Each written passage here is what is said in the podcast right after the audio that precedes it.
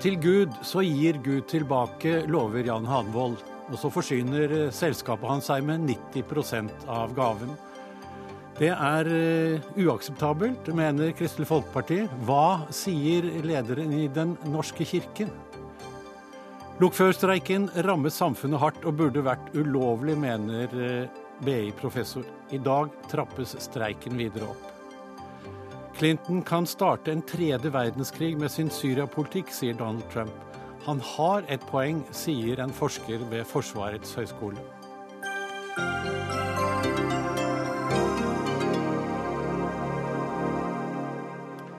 Velkommen til Dagsnytt 18, i dag med Anders Magnus. Uetisk og grisk, det er ord som blir nevnt av folk som er kritisk til det de fikk se på NRK Brennpunkt i går kveld. Der kunne vi se Visjon Norge og Jan Hanvold formidle budskap om Guds ord koblet til bankterminaler. Da kan eh, du dra kortet ditt. Du ser alle Du kan gå og se da folk som står rundt her med gule vester. You can see people with the yellow vest uh, that are waving their hands.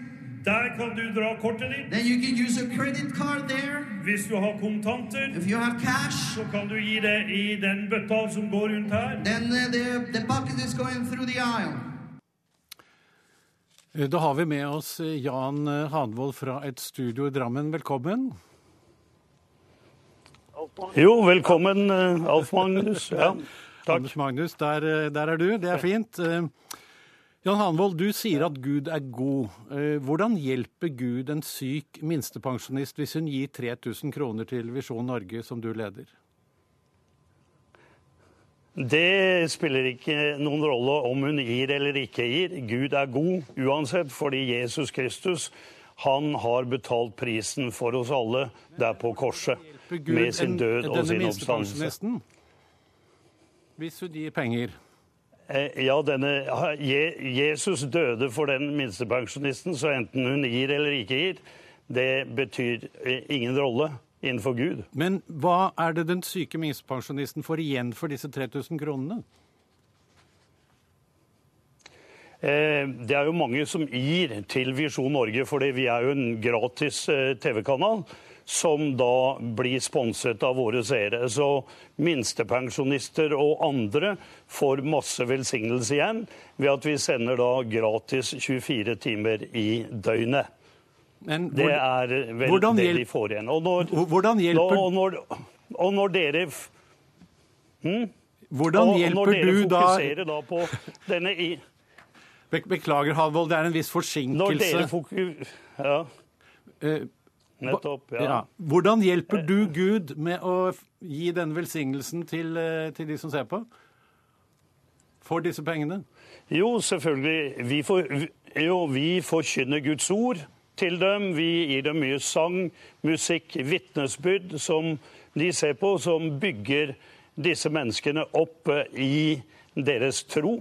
Det er det vi gir. Evangeliet er jo gratis, men det koster jo penger å få det ut. Så når Brennpunkt fokuserer på dette på Telenor Arena, så er det jo sånn på kristne stevner at vi tar jo ikke noe inngangspenger som en rockekonsert gjør f.eks., men der gir vi muligheten eh, til folk å spleise og ha et spleiselag, så de kan ta seg av alle utgiftene med å ha et arrangement på Telenor. Så det er litt søkt av, av Brennpunkt, akkurat det der. Hva syns du er en rimelig fordeling mellom deg og Gud? Hvor mange prosent av pengene skal du ha? Jeg skal ikke ha noen prosent, jeg. jeg Men du tar jo 90 Jeg har min lønn, jeg, som Nei, overhodet ikke. Dette er eh, feil og desinformasjon.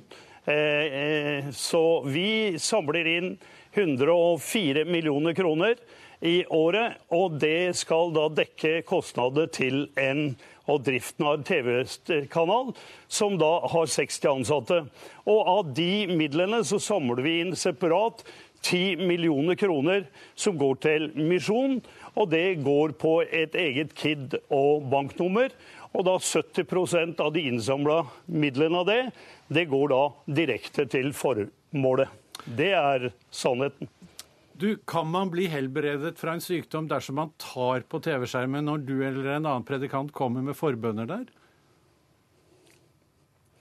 Eh, man kan bli helbredet ved at man aktiviserer sin tro. Og noen ganger så har vi opplevd det at eh, det å ta på TV-skjermen har vært et kontaktpunkt da for Gud til å gjøre et, et mirakel. Men det er jo Hvordan- ikke noe som er automatisk. Hvordan foregår denne kontakten eh, fra Gud via TV-skjermen til den syke personen? Eh, Det kan ofte være også et kunnskapstale, et kunnskapsord vi får da. At eh, det sitter en, eh, en kvinne her. Hun har da ødelagt eh, høyre menneske. Hun har problemer med å gå i bakker, men Jesus helbreder deg nå. Men, hvordan, men det fortell står Det jo konkret. om i eh, Bibelen. Du sa det at det hjelper å stå og holde Ja. på TV-skjermen. Hvordan foregår denne kontakten fra Gud ned til TV-skjermen og inn til eh, denne, dette mennesket som står og holder på TV-skjermen? Altså, eh, Dette har jo noe med Den hellige åndens inspirasjon å gjøre. Det er jo Den hellige ånd som leder når det gjelder et kunnskapsord. Er det, Altså er det slik at, at Den, den hellige ånd virker person. bedre gjennom eh, en TV-skjerm? Eh, nei, men Den hellige ånd virker jo uavhengig av alle ting. Men han virker også gjennom da, en TV-skjerm og gjennom radiobølgene. Men virker det bedre med TV-skjermen hvis du tar på den? Blir helbreda. Virker det bedre hvis du tar på TV-skjermen? Nei, en TV-skjerm fra eller til spiller ingen rolle. Men det er snakk om da hva man har da tro for akkurat i den situasjonen. Eh, Den nigerianske er- er TV-predikanten. Den nigerianske TV-predikanten Bayo Onivinde sa tidligere i år på TV-Visjon Norge at han så for seg en strikkende dame med ryggplager. Ja. Og han så at hun skulle donere Ja. flere tusen kroner til Visjon Norge. Deretter vil hun bli kvitt ryggplagene. Hvordan skjer dette i praksis? Det kan ikke jeg si, for jeg har ikke vært til stede og hørt det. Og jeg kan jo ikke eh, uttale meg om alt som blir sagt og gjort på Visjon Norge. Du kan ikke det, men du er jo ansvarlig redaktør. ikke, kan Du ikke vet, kommentere vel, det. du vet vel hvordan det Ja. fungerer? Altså Hvis Ja. man gir penger, så blir man frisk. Du vet vel hvordan det fungerer? Nei, det, nei. Gjør ikke nei, det? det er ikke Det er ikke vitenskapelig, ikke- dette her, altså? Nei, det er ikke automat... Det, dette er ikke automatikk i dette her, men det har Men da kan man bli veldig skuffet, da. å gjøre. Man kan bli veldig skuffet hvis, man, Eh, hvis det ikke virker. Ja, da. vi... Eh, nei, det gjør man ikke. Vi, eh, vi ser at ikke alle mennesker blir helbredet, men vi ber for alle. Fordi Jesus har sagt det at vi skal legge hendene på de syke, og de skal bli friske. Og hvis noen er syk iblant dere, så skal vi eh, be for mennesker. Men det betyr ikke at alle vi ber for, blir helbredet.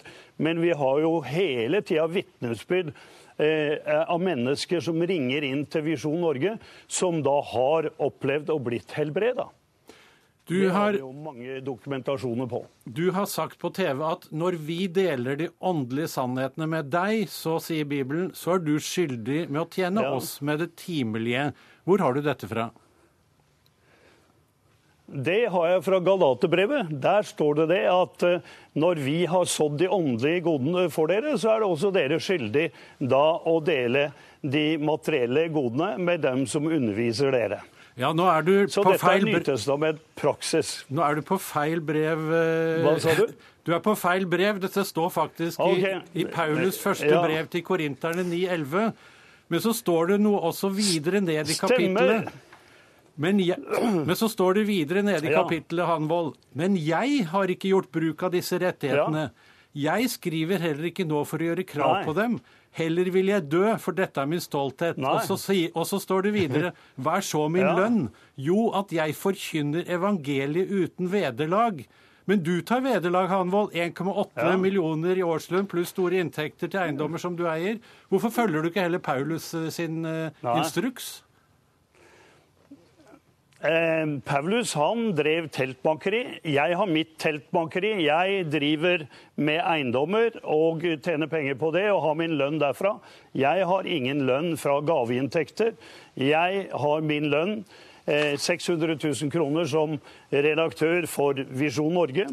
Og de pengene kommer via reklameinntekter og sponsorinntekter. Så jeg setter min ære ikke å være lønnet ut ifra gaver alene. Og jeg er stolt egentlig at jeg kan bidra til samfunnet. Jeg gir Gud hva Gud skal ha, og jeg gir keiseren det keiseren skal ha. Dagrun. Så det er jeg stolt av, at jeg kan bidra da, eh, bidra da til eh, min kommune med over 637 000 kroner i da skatt. Eh, det er jeg veldig stolt av. Og også av de 104 000 kronene som, millioner millionene som Visjon Norge eh, samler inn og får inn, så betaler vi da over 10 millioner kroner i skatt og arbeidsgiveravgift. Så vi er med og bidrar da vi har, vi har noen eh, andre med oss også. Ja. Dagrun Eriksen, eh, første nestleder i Kristelig Folkeparti. Eh, selskapet Visjon Norge har altså samlet inn 1 milliard kroner de siste 15 årene. Og pengene kommer mye fra folk som vil bli friske, og som Eh, som vil at Norge skal bli et eh, kristent land igjen. Hva er som er uakseptabelt med det, syns du? Nei, altså Som vi hører her, og det er jo kanskje det som har gjort meg mest trist, både etter uh, gårsdagens Brennpunkt, men også over litt lengre tid, er at det, eh, det, som kanalen gjør, er å skape veldig håp. Veldig, de dekker et behov hos mange mennesker som ønsker en kanal som kan formidle noe kristendom, som kan formidle noe som skal skape en håp inn i sitt liv. Og så ser vi at Ofte så sier man på de kanalene, og særlig hos Jan Hanvold, at hvis ikke man bidrar nå inn til kanalen, så kan vi ikke lenger få vist dette. Og så ser vi nå at det står et stort forretningsimperie bak dette. Et stort Men det visste dere på forhånd? Ja, vi har visst at han tar en god del i, eget, uh, i egne lommer også. Men det å bygge opp alt det, og vi fikk det systematisert nå, dette syns jeg det er uakseptabelt. Og jeg vil også si at jeg syns det er uetisk. Og jeg er glad for at det er flere kristne ledere ledere som i dag har vært ute og sagt både kalt det ubibelsk, man har kalt det sterkt manipulerende, man har kalt det for å være griskt. For jeg skulle ønske at ikke det gikk en tiende til fattige mennesker eh, og en tiendedel til eh, Hanvold, men at her kunne man si at OK, når man bygde opp et imperium, vær med og finansiere din egen eh, TV-kanal, og ikke la det være minstepensjonister og uføretrygde som lengter etter å ha et sånn type tilbud. Og så er det et signal også. Hvorfor klarer vi ikke å dekke det med andre typer type kanaler? Og hvorfor klarer ikke de andre eh, kristne organisasjonene og menighetene å være sterkere på banen og tilby dette? Da Men, får Hanvold hele dette markedet alene Men Eriksen, med budskap som jeg syns altså er feil. Din partileder Knut Harald Hareide han stilte villig opp på Visjon Norges TV-sending fra sommerstevnet på Østerbo eh, sammen med Sylvi Listhaug i sommer. Hvorfor er det viktig for Kristelig Folkeparti å delta i sånne møter som formidles videre av eh, Visjon Norge? Dere er jo med på dette her. Vi er ikke med. Der hvor det deltas til, altså inviteres til politisk diskusjon, der deltar vi. Og så tror jeg alle vet ja, Dere gir jo deres på en måte selv... støtte på den måten. Nei, jeg tror nok at eh, hvis du spoler tilbake til 2010, nå har eh, Visjon Norge tatt det vekk, for det var kanskje ikke så behagelig for Jan Hanvold. Når jeg sa det, så tror jeg ikke man vil si at KrF blir støtta opp om. Dette er en kanal som veldig tydelig har sagt at de ikke har støtta Kristelig Folkeparti. Folkeparti. Og at vi ofte må være der for oss å svare på ting. Men det jeg har lyst til å si, om jeg skulle fått en mulighet til å bli invitert igjen, så tror jeg at jeg hadde sagt nei. det var 2010 jeg var der sist. Okay. Det, men det er fordi at man blander sammen den politiske diskusjonen, den teologiske diskusjonen, helbredelse og forbønn, og det er en miks som jeg ikke syns er eh, heldig. Vi men det å stille opp på et eh, stevne må man få lov til å gjøre, også når man er i Kristelig Folkeparti. Vi har også med oss Helge Helga Haugland Byfuglien. Eh, du er preses, dvs. Si øverste leder i Den norske kirke, med oss fra Trondheim. Eh, er det kristendom det Hanvold formidler? Det, det, er slik at det er ulike uttrykk for kristen tro. Det som ble presentert for oss i går, som handler om sammenhengen mellom tro og helbredelse, og sterkt knyttet opp til penger, er svært problematisk ut fra det som Den norske kirke står for. Ja, Men er det kristendom? Det kan ikke jeg si at ikke det er. Men uh, for meg så ja, Du er jo dette... teolog, så du bør kunne svare på det? Ja, kristenheten er mangfoldig. Og det er ikke Den norske kirkes uh, oppgave å sjalte noen ut og sjalte noen inn. Men vi er tydelige på hva vi står for, og som vi mener er, er både teologi og tro som er i samsvar med med Bibels budskap. Og Der er det tydelig at uh, frelsen er ikke til salgs. Helbredelse er ikke automatikk. Bønn er heller ikke noe som er vår kommando til hvordan Gud skal handle. Ja, men, men det, er jo, det, er jo, også i eh, Den norske kirke kollekt, man samler inn penger osv. Det er mye som ligner på dette her, men bare eh, kanskje i litt mindre utstrekning? Takker i gudstjenestene i vår kirke går eh, til bygging av menighetene, ja, men i like stor grad til formål som ligger utenfor det som kirken driver som eget arbeid. Det hører med til gudstjeneste også å dele. Men det skal ikke kobles opp til løfter, verken om helbredelse eller annen form for lykke. Det påfører mennesker både store belastninger, og det gir løfter som vi faktisk ikke har mandat til å gi. Ja, mener du at det, at det er at det er uetisk eh, av Hanvold å si at man kan bli frisk hvis man gir penger eh, for forbønn? Det er definitivt uetisk. Det skal aldri være pris på forbønn. Det er tvert imot hele evangeliets vesen, som er gratis. Så det å koble dette sterkt sammen er, svært uetisk. Er da, men er det da kristendom når man kobler sammen disse tingene? Du sier at det er noe som er uetisk. Da kan det vel ikke være kristendom? Det er noe som, som jeg på ingen måte vil stå for som, som, kristen og som teolog. Det vil være mitt svar på dette.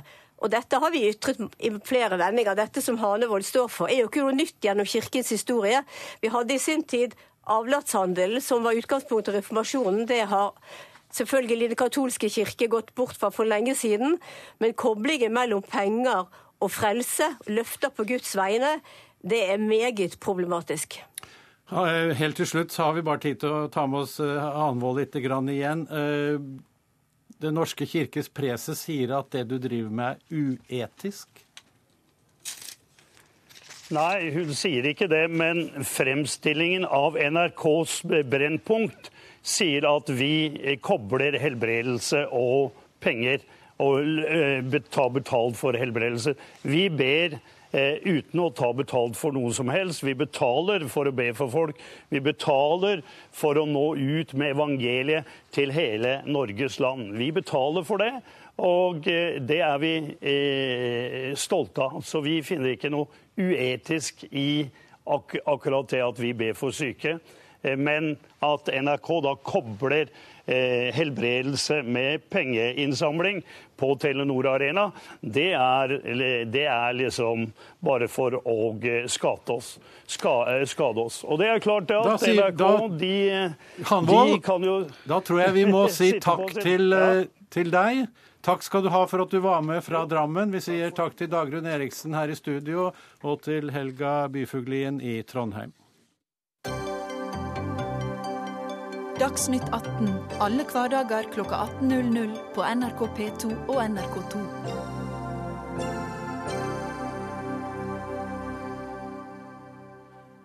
«16 timer med samtaler i går og i natt hjalp ikke. Det er ingen enighet blant partene i lokførerstreiken. I dag blir seks nye lokførere tatt ut på Sørlandsbanen, og det betyr at i alt 124 lokførere nå er i streik.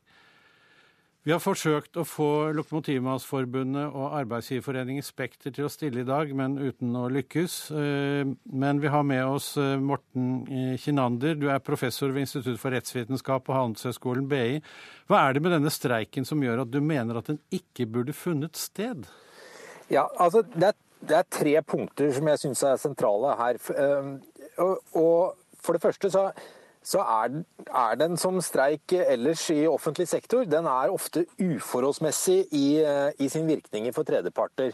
Streik i offentlig sektor rammer som regel helse, skole, utdanning og sentral infrastruktur, og har da voldsomme konsekvenser for, for tredjeparter som ikke har noe med denne konflikten her å gjøre i utgangspunktet. Sånn er det kanskje, kan man si, i enhver streik. men det er ikke noe system innbakt i streik i offentlig sektor som gjør at man kommer til løsninger eh, så raskt som mulig.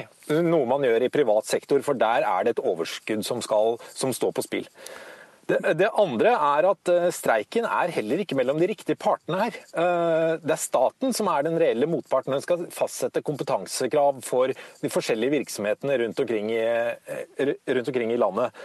Eh, det er ikke sånn at lastebileiere og lastebilsjåfører setter seg ned og blir enige om hva skal til for å ha et uh, trailersertifikat. Altså, det er staten som lager innhold i forskriftene, og som håndhever det gjennom tilsyn. Og for et tredje så sparer jo NSB faktisk penger på dette her gjennom at det er et underskuddsforetak nå. Når eh, man ikke driver et underskuddsforetak, så, så, får man altså mindre underskudd enn det man ellers gjør. Noe som jo henger sammen med det første punktet, nemlig at det er Eh, ikke noe eh, som gjelder fordeling av overskudd i dette. her, og Da kan man streike på, men de dramatiske virkningene det har Folk blir trukket til lønn fordi de ikke klarer å komme seg på jobb. Folk må bo borte. Eh, og man lammer hele landsdeler i et forhold som i utgangspunktet er mellom gale parter, og som får helt dramatiske virkninger. Men, men for å presisere litt her, mener du at all streik eh, i offentlig sektor som rammer eh, tredjemann, altså publikum, oss alle sammen, så hardt, eh, burde vært forbudt i utgangspunktet? Nei, ikke nødvendigvis vært forbudt, men det man burde hatt inn i lovverket, er en forholdsmessighetsvurdering. og den fins ikke i dag. Altså De streikene eh, som rammer uforholdsmessig hardt, uforholdsmessig lenge, burde vært eh, på et eller annet eh, relativt tidlig tidspunkt eh, kjent ulovlige. For det er også et element her at streik i offentlig sektor sjelden eh, avstedkommer noe særlig positive resultater for dem som streiker. Og det er naturlig, fordi det er, dette er et politisk spørsmål. Eh, om hvordan ressurser skal fordeles i samfunnet. Og det er en helt annen mekanisme enn streik i privat sektor. Men akkurat denne streiken burde vært ulovlig? Ja, den syns jeg burde Hvorfor vært ulovlig, i hvert fall på dette tidspunktet her. Fordi eh, nå, som jeg sa, dette er ikke et spørsmål man skal forhandle seg fram til mellom partene i arbeidslivet. Eh, dette er et statlig politisk spørsmål. Og hvis du ikke liker det som er i ferd med å skje, nemlig en konkurranseutsetting, så er det en annen, så må du ta det på en annen måte enn gjennom eh, denne streiken. Åsmund Arup Seip, du er forsker ved forskningsstiftelsen Fafo. Er du enig i at uh, slike streiker som rammer oss alle sammen, burde vært forbudt? Det er jo et uh, trekk ved alle streiker at de rammer tredjeperson. Stort sett alle streiker gjør det. Og Jeg kan ikke si at det er noe prinsipiell forskjell mellom streiker i privat sektor og streiker i offentlig sektor. Det er eksempler på store streiker i offentlig sektor som har rammet mange. Eh, og det er små streiker i offentlig sektor, i privat sektor som har rammet mange. Det er, eh, det er et problem med streik, men vi har et arbeidsliv hvor streik er et lovlig virkemiddel. Eh, er... men burde det være lovlig? Ja. Når det rammer så mange? Jeg, jeg syns at streik burde være lov, og det er slått fast i konvensjoner som Norge har sluttet seg til. Så men Er det det eneste argumentet, at Norge har sluttet seg til noen konvensjoner? Da kan vi vel eh, oppheve det, hvis du også mener at det er urimelig at det skal være streiker som rammer så mange? Jeg sa ikke at streikene er urimelige. Det er klart at noen streiker vil oppleves urimelig av de som rammer det, og det, det, det er eh, slik det er. Men eh, Eh, men streiker er et lovlig virkemiddel, og vi har ikke mange andre måter, fornuftige måter å løse spørsmål om lønns- og arbeidsvilkår i virksomheter på. Du snakker om lønns- og arbeidsvilkår, men dette er altså et spørsmål om uh, lokførersertifikat. Uh, har ikke Kinander et uh, poeng når han sier at dette er et spørsmål som staten må fastsette, akkurat som for lastebiler, slik at det er ikke noe poeng å streike for det? Nei, men vi har avtalefrihet eh, på tariffavtaler i Norge. Det er partene selv som bestemmer hva som skal være med i avtalen og hva de vil ha inn. Men Er ikke det urimelig at eh, de, at de streiker for å kreve noe som egentlig staten burde ta seg av? Så lenge de ikke bryter mot, mot, loven, så kan de ta inn hva de vil. Og Det er eksempler i tariffavtaler på alle mulige slags bestemmelser, også kompetansebestemmelser. Syns du det er fornuftig at de gjør det? Hvorvidt jeg syns det er fornuftig eller ikke, er ikke så veldig interessant. jo, det, Men det, som er, det som er interessant, er at dette, slike spørsmål de kan enten reguleres i lov eh, offentlig, de kan reguleres i tariffavtale, eller de kan overlates til markedet fullstendig eh, hvordan man gjør dette. Hva, hva syns du, burde dette være lovgivers ansvar, og ikke uh, fagforening versus arbeidsgiver? Jeg, jeg syns det er fornuftig at det reguleres på en eller annen måte, og gjerne av lovgiver. Men når lovgiver lar være å regulere en, eh, et forhold, så er det helt naturlig at partene, hvis de har interesser i dette, setter seg ned og ser er det mulig for oss å regulere det i avtale. Mange forhold er regulert både i lov og avtale, helt parallelt. Og, og det, så det er ikke noe nytt i dette. Kinander, eh, tror du at du får noe gjennomslag for dette synspunktet ditt om at noen typer streiker burde vært forbudt? Eh, streikeretten er jo en sånn eh, hellig, hellig ku i, eh, i norsk sammenheng. Og tidvis så får man jo inntrykk av at det er en rituell øvelse man bedriver på vårparten. Unntaket her er jo at det kommer om høsten. Men det, er, men det, er, det, skal jo, det skal jo en del til for å få eh, inn et forbud, men det er heller ikke et forbud jeg er ute etter. Det jeg syns man bør ta inn, er en forholdsmessighetsbegrensning. Sånn at man tar ut de uforholdsmessige streikene eh, på det tidspunktet hvor de har rett og slett sånn som her har kjørt seg helt fast mellom partene, og det fortsetter da å ramme eh, ganske mange titusener av mennesker over lang tid. Og jeg bare, eh, også et poeng til, til Seip der. Det er, det er ikke noen begrensning i ILO-konvensjonen mot en slik forholdsmessighetsvurdering når det gjelder streik i offentlig sektor. Da fikk du lov til å få siste ordet, Kinander. Takk skal du ha, og takk til eh, Åsmund Arup Seip fra Fafo.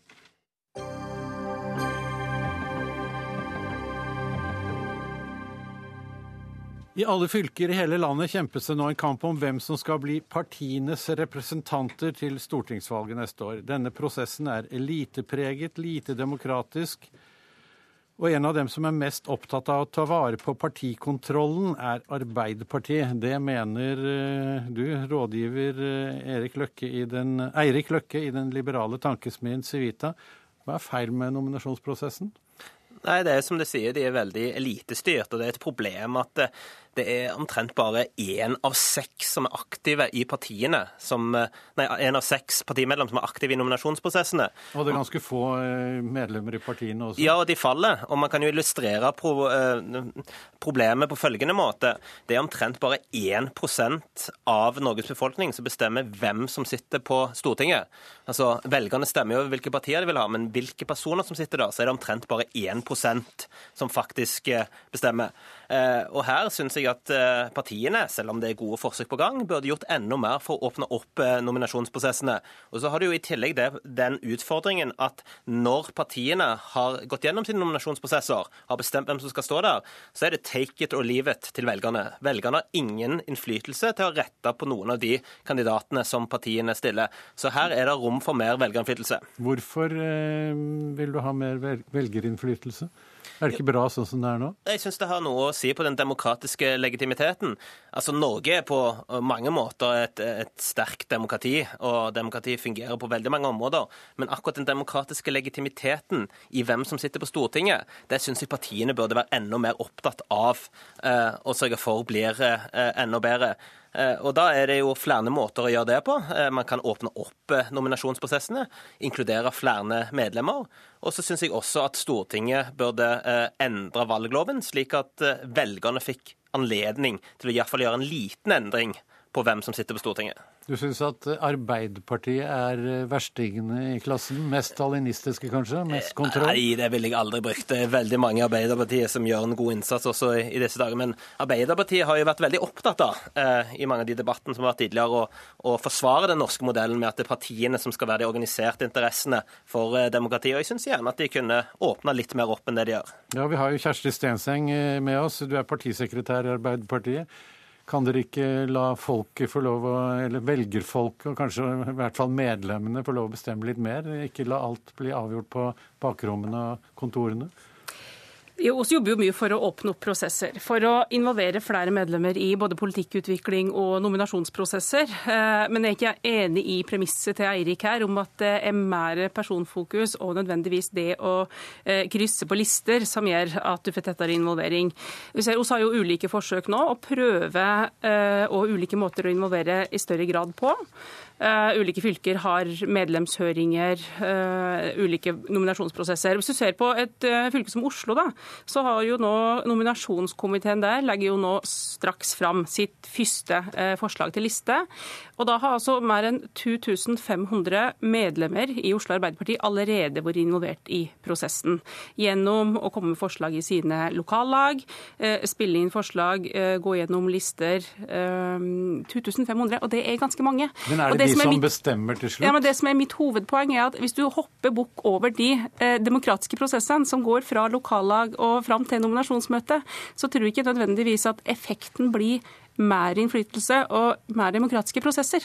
Du får mer personfokus, men det er jo nettopp eh, de prosessene som pågår gjennom at du ved å engasjere det, ved å være aktiv i partiet, får innflytelse. Det er jo dem jeg eh, tror kan bli svekka gjennom å få økt eh, personfokus i, i prosessen. Vi har en som driver med personfokus her. Det er Ingvild Reimert. Du er førstekandidat for SV i Oslo. Og dere gjør dette på en helt annen måte. Du skal nå ut i nominasjonskamp med din partisekretær Kari Lisbeth Kaski.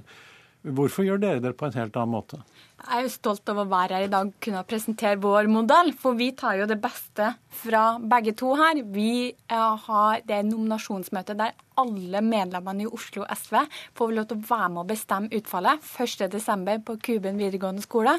Og samtidig så Vi har en åpen, inkluderende prosess. Og samtidig så har vi hatt en grundig prosess, som Arbeiderpartiet her snakker om. Vi har hatt en nominasjonskomité bestående av 19 personer. De har sittet i 87 timer, og de har hatt intervjuer, og vi har fått caseoppgaver, vi som har vært inne der.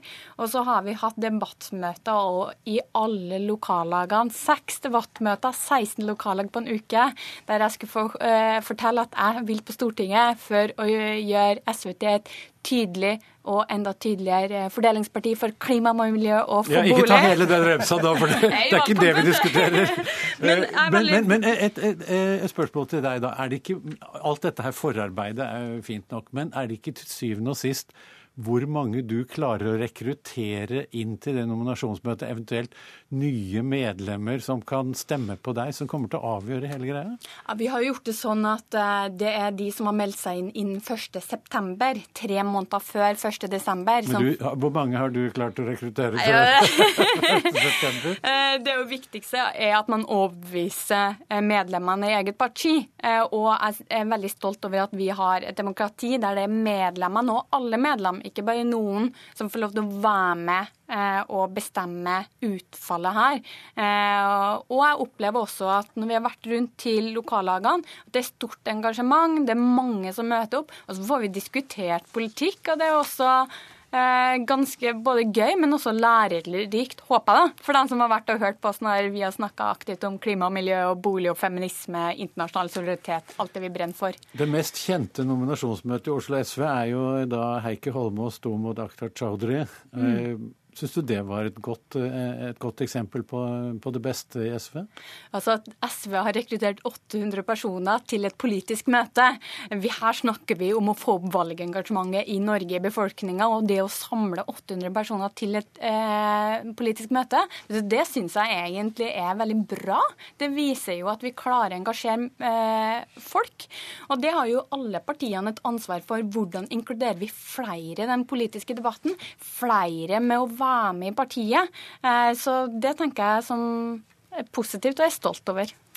Dere driver litt mer eh, amerikansk system, gjør det ikke det, Erik Løkke? Jo, at det er SV som er de mest amerikanske i Norge, det kan jo være et interessant paradoks. Men jeg, jo, jeg er helt enig med, med Kjersti at det er mye gode prosesser i uh, Arbeiderpartiet. Men uh, man kan jo høre på tidligere partisekretær i Arbeiderpartiet og nåværende byrådsleder Raymond Johansen. Han var veldig enig i mitt premiss, nemlig at vi har en utfordring med den demokratiske legitimiteten, uten at han helt hadde et godt svar på hvordan vi gjør det. Og det kan man jo diskutere. Hvordan skal man gjøre det? Og da tror jeg SVs modell med å åpne opp mer altså Dersom du blir medlem av SV innen 1.9, så får du muligheten til å påvirke hvem som skal komme på Stortinget. Det er å øke verdien av et medlemskap. Og det tror jeg heller er en del av løsningen, heller enn en del av problemet i dette med å få mer demokratisk legitimitet og bedre politiske prosesser. Ja, Stenseng, hadde det ikke vært et, er det ikke poeng at engasjementet faller når færre melder seg inn i partier? Man må ta et grep for at folk skal få eierskap til hele nominasjonsprosessen? Jo, altså jeg tror at alt dersom det fører til et økt engasjement og mer deltakelse i SV, så er det bra for, eh, for SV. Men ikke for dere? Jo, jo, at alle politiske partier ser på hvordan skal vi åpne opp, eh, finne nye arenaer der kan folk engasjerer seg. Kan dere tenke å gjøre det på den måten? Eh, det altså Osten prøver oss jo ut medlemshøring og evaluere og ser eh, fører det til økt engasjement. Men altså, jeg tror ikke at det nødvendigvis føre til reelt sett mer inkluderende prosesser der flest mulig får innflytelse. Altså, Vi har jo eh, programprosess da, på nytt eh, partiprogram, litt tilsvarende. Der har vi åpna halvt opp. Har, eh, du trenger ikke være medlem i Arbeiderpartiet for å komme inn med forslag. Vi har fått inn veldig mange forslag, rekordmange.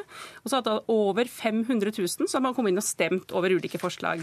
Men det betyr jo at kanskje verdien av medlemskapet blir noe forringa, fordi folk melder seg inn i politiske parti for å få lov å utvikle politikk. Nå har vi prøvd, mulighet, eh, prøvd modellen der å åpne opp. Så evalueres og ser. Så jeg tror at det å teste ut nye måter, nye arenaer og finne ut hvordan folk skal få utløp for engasjementet sitt, er veldig viktig. Men det er jo ikke slik at fordi du ikke får stemme over eh, hvem som skal bli statsminister i Norge og hvem som skal på Stortinget, så er det nødvendigvis lukka prosesser. Og så er det jo veldig mange, Oslo er eksempel på det, 2500, som allerede har vært involvert i hvem er det som skal stå på lista.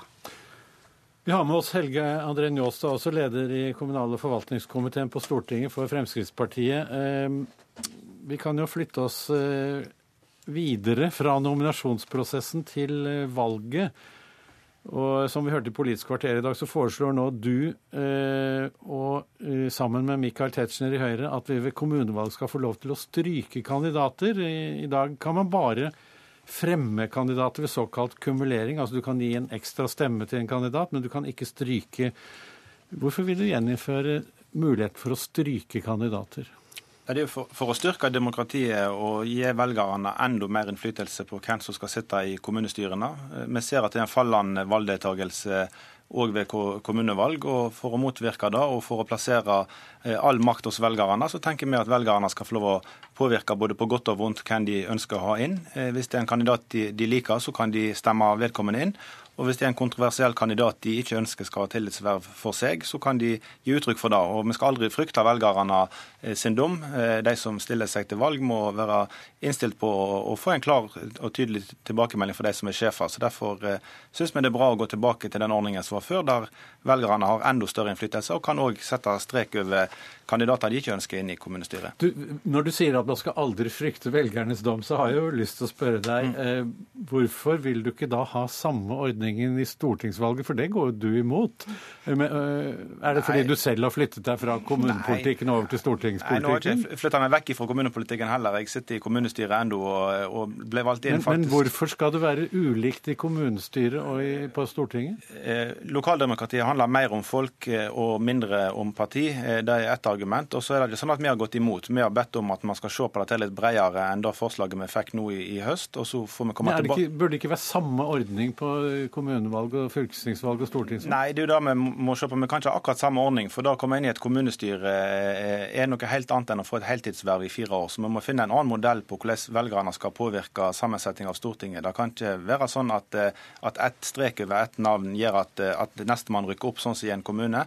Eh, Men vi skal finne gode måter. og Vi er absolutt opptatt av at velgerne skal ha stor innflytelse. men akkurat den, Ikke så stor. Jo, men akkurat den modellen som ble presentert i, i høst med 8 eh, gjør den samme endringen, syns vi var for, eh, for dårlig og ville ha en, eh, en ny vurdering og vil komme tilbake til det senere. Men i lokaldemokratiet så handler det jo om folk, eh, og da skal velgerne kunne ha stor innflytelse. Derfor mener vi det er riktig å gjen, gjeninnføre stryking. Ingvild Reimert, er du enig i at man skal kunne stryke folk på en liste, sånn som man kunne gjøre før? Jeg syns det er veldig spesielt av eh, Frp å sitte og eh, argumentere for at vi skal gi velgerne mer makt til å bestemme listene, når de i vår skrota eh, sin egen regjering sitt forslag nettopp for å øke det. For det er jo i stortingsvalget vi har en utfordring. Der får ikke velgerne i det hele tatt Men er du eh, for dette, å kunne stryke både i kommunepolitikken og i stortingspolitikken? Jeg er veldig for at vi øker velgernes innflytelse over lista, men når det kommer til stryking, så er det en del utfordringer der. Eh, Vi vet at det ISF, Institutt for samfunnsforskning, har gjort en evaluering, og vet at den går utover minoriteter. I dag i kommunestyret er det 3 eh, av de folkevalgte som er minoriteter. Og når vi vet at å innføre strykning kan gjøre at færre minoriteter kommer inn, så er jeg kritisk eh, til det. Og så er det ikke sånn, og det viser også ISF, at det, det er ingen forskning som sier at valgdeltakelsen går opp. Og det er en litt spesiell ordning å innføre muligheten til eh, å stemme på dem vi ikke skal ha. I demokratiet i dag så har vi sånn positiv eh, tommel opp, litt sånn som vi har på Facebook. Vi stemmer på de vi ønsker, vi heier på de. Men det er veldig få eksempler internasjonalt der du finner at du kan gi en negativ ordning. Men jeg vil heller utfordre Men- deg. men, eh, Hvorfor kan vi ikke heller ta Jeg tror, stortingsvalget? jeg tror vi skal eh, avrunde diskusjonen her med et kort spørsmål til Njåstad. Får dere flertall for dette forslaget om strykninger i kommunevalget på Stortinget? Da håper jeg jo at Stortinget ønsker å gi makt tilbake til velgerne. Ja, er det flertall eh, i partiene for dette? Nei, Det gjenstår jo å, se. Jeg registrerer at SV tidligere mente dette. Nå eh, snakker du eh, som at du er imot, men sist Stortinget debatterte det, så var SV enig med oss i, lag med Høyre og Venstre. Så jeg håper jo at i alle fall Høyre og Venstre støtter det i Stortinget, sånn at det er flertall. Og så kan det jo hende at Arbeiderpartiet og Senterpartiet og SV òg tar en ny vurdering på dette spørsmålet, og at eh, Stortinget kan finne en god løsning. Jeg, utelukker jo ikke det. Vi får se på hvordan det går. Tusen takk skal dere ha, alle sammen. Hør Dagsnytt 18 når du vil. Radio NRK NO.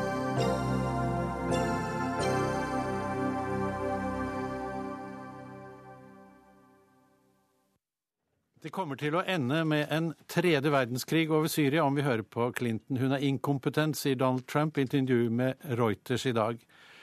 Det vil nok mange andre mene om Trump også. Eh, Hvilken utenrikspolitikk kommer de to presidentkandidatene til å føre, og hvem er egentlig farligst? Eh, Tormod Heier, du er forsker ved Forsvarets eh, høgskole. Har Trump et poeng her når han sier at Clintons politikk kan føre til alvorlige konsekvenser eh, med utspring i Syriakrigen? Ja, Nå tar han sikkert litt hardt i siden det er valgkamp, og han er tradisjonelt sett ganske spissformulert. Men han har et bitte lite poeng, og det er jo det at hvis f.eks. Hillary Clinton får igjen det hun har kjempet for i mange år, nemlig en flyforbudssone over Syria, så kan det jo være at risikoen øker for at amerikanske fly, rett og slett, hvis de ikke er enige med russerne, blir skutt ned av russiske luftvernraketter eller syriske luftvernraketter eller russiske fly. Og det kan også være at amerikanske fly i så fall kanskje kan risikere å skyte ned russiske fly. Og da, har vi gående et inferno. Da har vi gående, liksom. Da er det så nærme en, en krig det kan bli. Og spesielt amerikanske luftoffiserer i USA de er veldig skeptiske til dette, for de mener at risikoen er så mye større enn den forventa gevinsten man kan forvente å se i andre enden. Så da burde man være redd for Hauken Clinton her, da? Ja, definitivt. Jeg tror det beste for disse partene ville vært å støtte det som har gitt stabilitet i internasjonal politikk generelt sett, og det er statsdannelser og ikke såkalte ikke-statlige aktører. Hilde eh, Restad, du er førsteamanuensis, har doktorgrad på amerikansk utenrikspolitikk. Hva tror du blir den største forskjellen mellom, eh, mellom Clinton og Trump i dette spørsmålet her over Syria-krigen? Jeg tenker at det er litt vanskelig å spå hva Donald Trump vil gjøre skulle han bli president, fordi han sjøl er så inkonsekvent og motsier seg sjøl hele tida. På den ene sida forventer folk at Donald Trump ville trekke USA litt tilbake, føre en mer, mer tilbakeholden linje og ikke involvere seg f.eks. i Midtøsten eller Syria. På den annen side så har han jo også sagt at han skal eh, ta ut eh, Den islamske stat, så det blir litt vanskelig å, å spå hva Donald Trump ville gjort. Eh, men, men det er selvfølgelig Men han vil i hvert fall ikke komme til å krige med russerne, og det er vel en garanti for at det ikke blir tredje verdenskrig, i hvert fall. Ja, hvis vi, hvis vi skal um, tro på det som sies om at Donald Trump og Putin er gode, gode, venner, så kan vi jo anta at det vil være en ny interessant allianse. Men er ikke det bra for verdensfreden, da? Jeg, jeg, vil være såpass vågal og si at dersom Donald Trump skulle bli president, så er det ikke bra for verdensfreden. Om ikke annet fordi at jeg det, anser, anser, det for som sannsynlig at han vil la seg lure ut på ganske mange skråplan rundt omkring i verden. Tormod Heier, hvor stor suksess har egentlig Clintons utenrikspolitikk hatt? Hun har jo vært utenriksminister i, i USA, og hun har jo hatt stor innflytelse på en del kriger. Vi har jo hatt Libya og en del Irak-krigen og sånne ting. Har det vært noen suksess? Nei, jeg kan ikke si at det har vært noen suksess. Eh, hun har dessverre fått et, eh, en betegnelse på seg for å være en liten hauk, fordi hun er så veldig idealist og så verdiorientert. Hun er veldig opptatt av å beskytte sivilbefolkning som står i fare for å bli massakrert av statsledere, og da mener hun, som veldig mange med henne, at eh, da har man rett til å bryte staters eh, suverene eh, styringsrett ved å intervenere. Og hun har vel en dårlig rekord. Hun har vel tapt flere kriger hun har vunnet. Og det har gått utover sivilbefolkningen, selv om intensjonene var veldig gode? Ja, intensjonene er veldig gode, men de har for liten kunnskap om hvilke uforutsette konsekvenser som kommer når man velger å gjennomføre regimeendring i denne type stater. slik at etter min oppfatning så har det vært en veldig dårlig uttaling, og at amerikanerne selv har må ta ganske stort ansvar for mye av den ustabiliteten som er i Midtøsten i dag. Men mener du at hun ikke har lært av de erfaringene, men kommer til å fortsette å trampe videre som en eh, elefant i Midtøsten? Ja, det ser nesten sånn ut. Altså, det er et, et, ganske entydig mønster hvor amerikanerne har gått, enten de har vært i Afghanistan eller i Irak eller i Libya, så har det gått fra vondt til verre. Og når du nå i tillegg ønsker å eh, på mange måter underminere også det syriske statsapparatet eh, for å presse Russland og Syria til forhandlingsbordet, så eh, er jo det altså en større fare for at også det regimet vil kunne kollapse, med de eh, konsekvensene det har for menneskene som bor i landet. Resta, er ikke dette her innvendinger som gjør at Clinton må anses som å være ganske farlig for verdensfred? Tror ikke Clinton er noe farligere for verdensfreden enn enhver eh, gjennomsnittlig amerikansk president. Så er det jo mange som mener at enhver gjennomsnittlig amerikansk president er farlig for gjennom verdensfreden. Det er en annen diskusjon. Men, men, eh, det blir litt feil å evaluere Hillary Clinton sin, eh, sine fire år som utenriksminister som hennes utenrikspolitikk. Hun har selvfølgelig utført Barack Obama sin utenrikspolitikk. Så hvis man mener at den, det som har skjedd de siste åtte årene ikke har vært bra for verden, så er jo det selvfølgelig Barack Obama som må ta ansvar for det, og ikke Hillary Clinton. Når det er sagt, så er jeg enig i at det virker ikke som Hillary Clinton og eh, elitekonsensuset i Washington DC generelt noen gang lærer lekser om hva man burde og ikke bruke militærmakt til. Og det her med at man ikke Det er mange som glemmer at da George W. Bush stilte som presidentkandidat i 2000, så sa han at USA skulle bli en mer ydmyk verdensmakt som ikke skulle bedrive nasjonsbygging rundt omkring i verden. Det tok ikke mange månedene før han hadde glemt det. Du tror kanskje Trump kommer til å gjøre det samme? Glemme det han har sagt i valgkampen? Trump ville definitivt eh, glemt det han har sagt eh, i valgkampen, og ville nok helt sikkert bli akkurat like høykatt som alle andre amerikanske presidenter. Men, men det som selvfølgelig da er litt bekymringsfullt med Hillary Clinton, er det her med at det ikke virker som om hun kanskje har innsett begrensningene som militærmakt har. Den andre tingen som jeg også tenker det er interessant å følge med på, er jo med hensyn til USA og Midtøsten, hva som vil skje med USA-Israel-forholdet, der Hillary Clinton vel er mye mer vennlig innstilt til Israel enn det Barack Obama har vært. Tormod Heier, står vi overfor eh, to livsfarlige presidentkandidater? Ja, Er dette pest eller kolera? Nei da. Jeg tror eh, innerst inne at amerikanerne gradvis begynner å lære. og at de, Først og fremst fordi at jeg tror det amerikanske forsvaret begynner å bli ganske triks, eh, krigstrøtte. Innad i det amerikanske forsvaret og i store deler av det amerikanske samfunnet så er det en betydelig skepsis mot nok et engasjement i nok et muslimsk land i Midtøsten. Um, og Det er kanskje derfor også de har fulgt dette forhandlingssporet til Kerry såpass uh, lenge og gir opp. Men, men, Hillary er nok litt mer utålmodig, opplever jeg som, ved å ønske en flyforbudssone for å øke det politiske presset på Russland og Syria, slik at man kan komme frem til en endelig slutt på denne krigen, som hun syns selvfølgelig er forferdelig pga. alle disse menneskelige lidelsene. Og Det er en tilnærming til, uh, til krigen som f.eks. Russland overhodet ikke har. De opererer ikke med et sånt utvidet sikkerhetsbegrep med beskyttelse av sivile. De ser først og fremst på sikkerhet som et statlig anliggende. og det å bevare staten, det er det viktigste for stabiliteten i internasjonal politikk. Så får vi se hvem som eh, trekker det lengste strået i valget 8.11. Takk skal dere ha, begge to.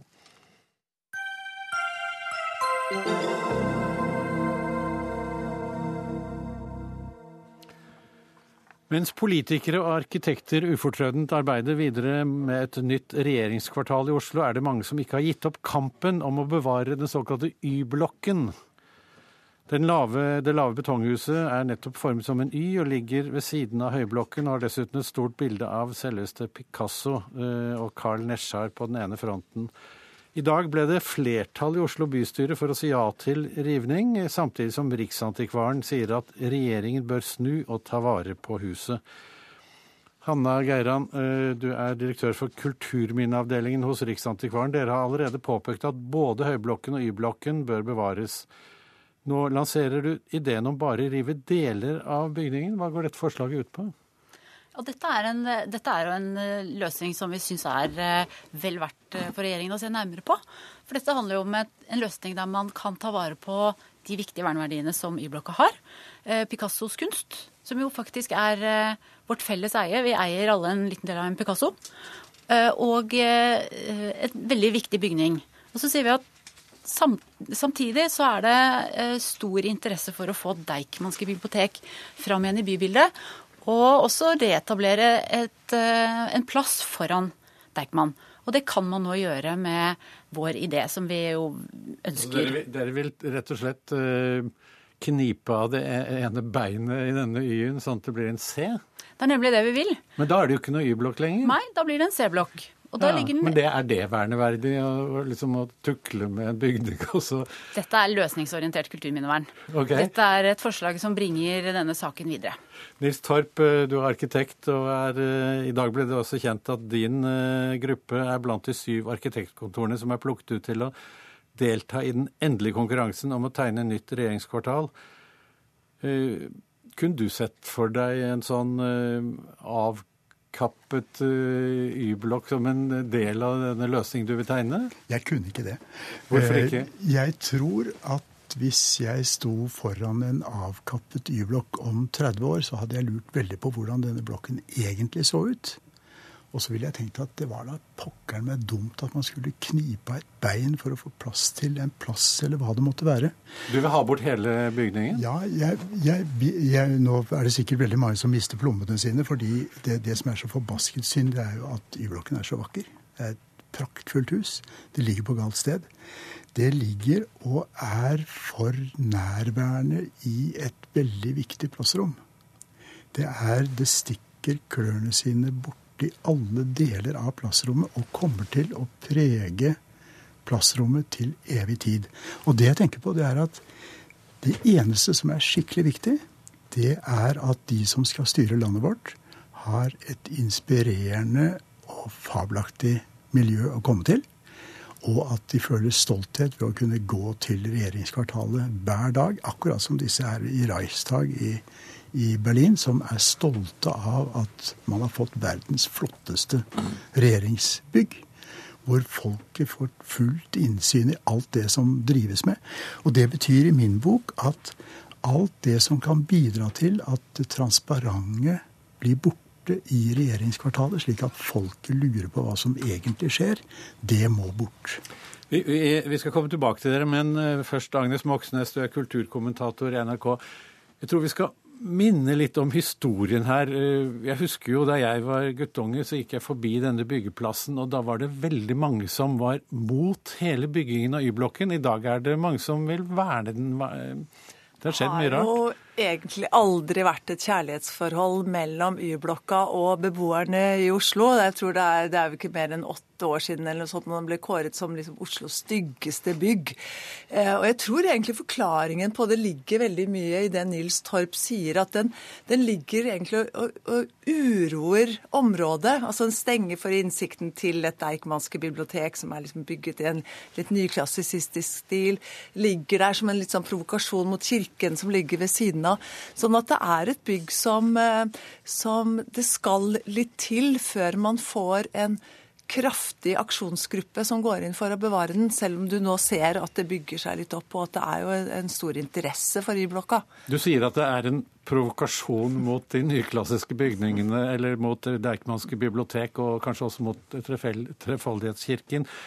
Tror du det var eh, noe av arkitektens eh, tanke, at han skulle provosere disse, ja, jeg, den gamle arkitekturen? Ja, det tror jeg. fordi at da han tegnet, eh, altså Erling Viksjø tegnet Høyblokka, og Y-blokka, særlig Y-blokka, så var jo den type arkitektur som du ser på dette Deichmanske bibliotek, ikke særlig høyt elsket av arkitektene, altså de modernistiske arkitektene. Så det ligger jo der og liksom stenger for, og jeg tenker at det er en litt sånn høylytt og tydelig eh, melding fra Erling Viksjøs side.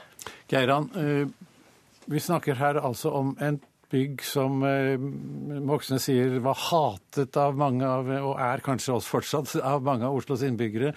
Nystorp sier at det er en vakker bygning, men fullstendig feil plassert.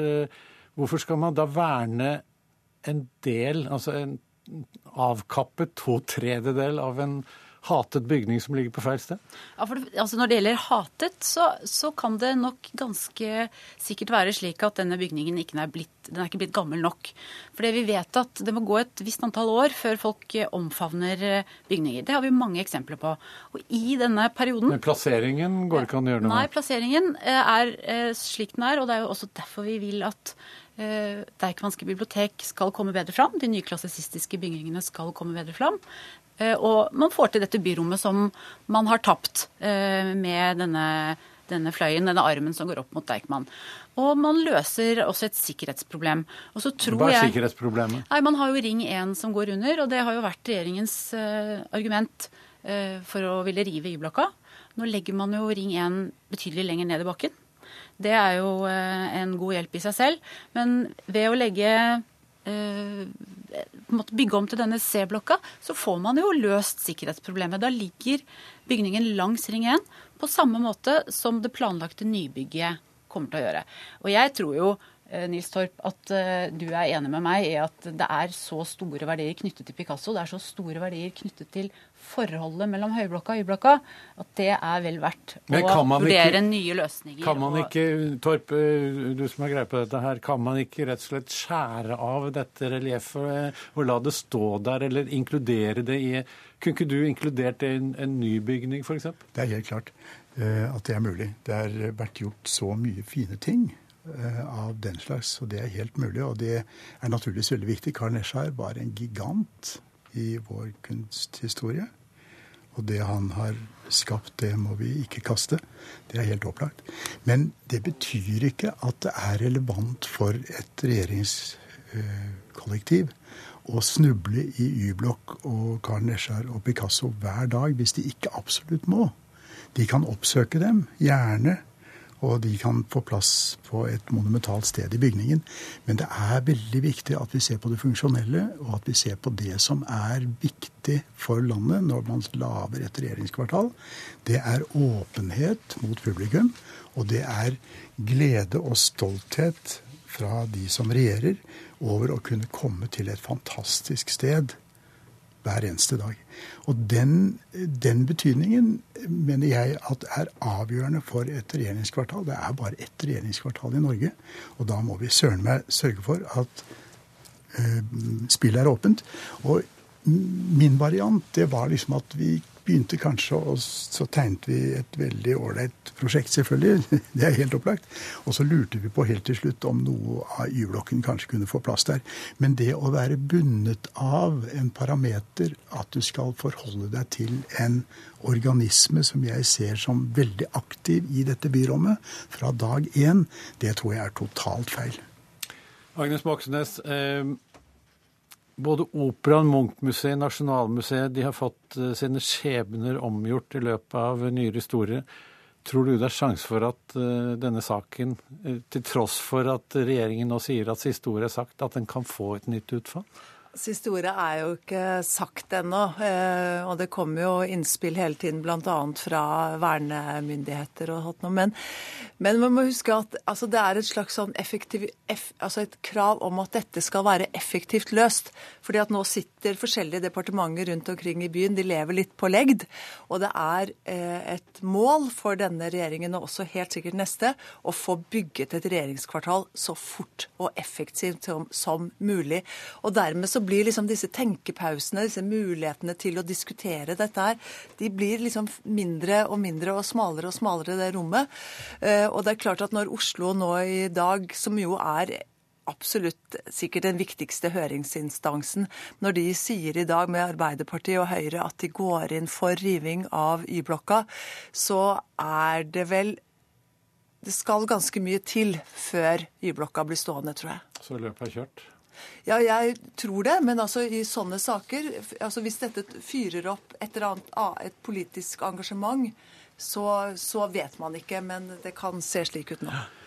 Takk for at dere kom hit. Eh, sendingen er slutt. Ansvarlig var Odd Nytrøen. Teknisk ansvarlig Lisbeth Silreite. Og jeg heter Anders Magnus. Hør flere podkaster på nrk.no podkast.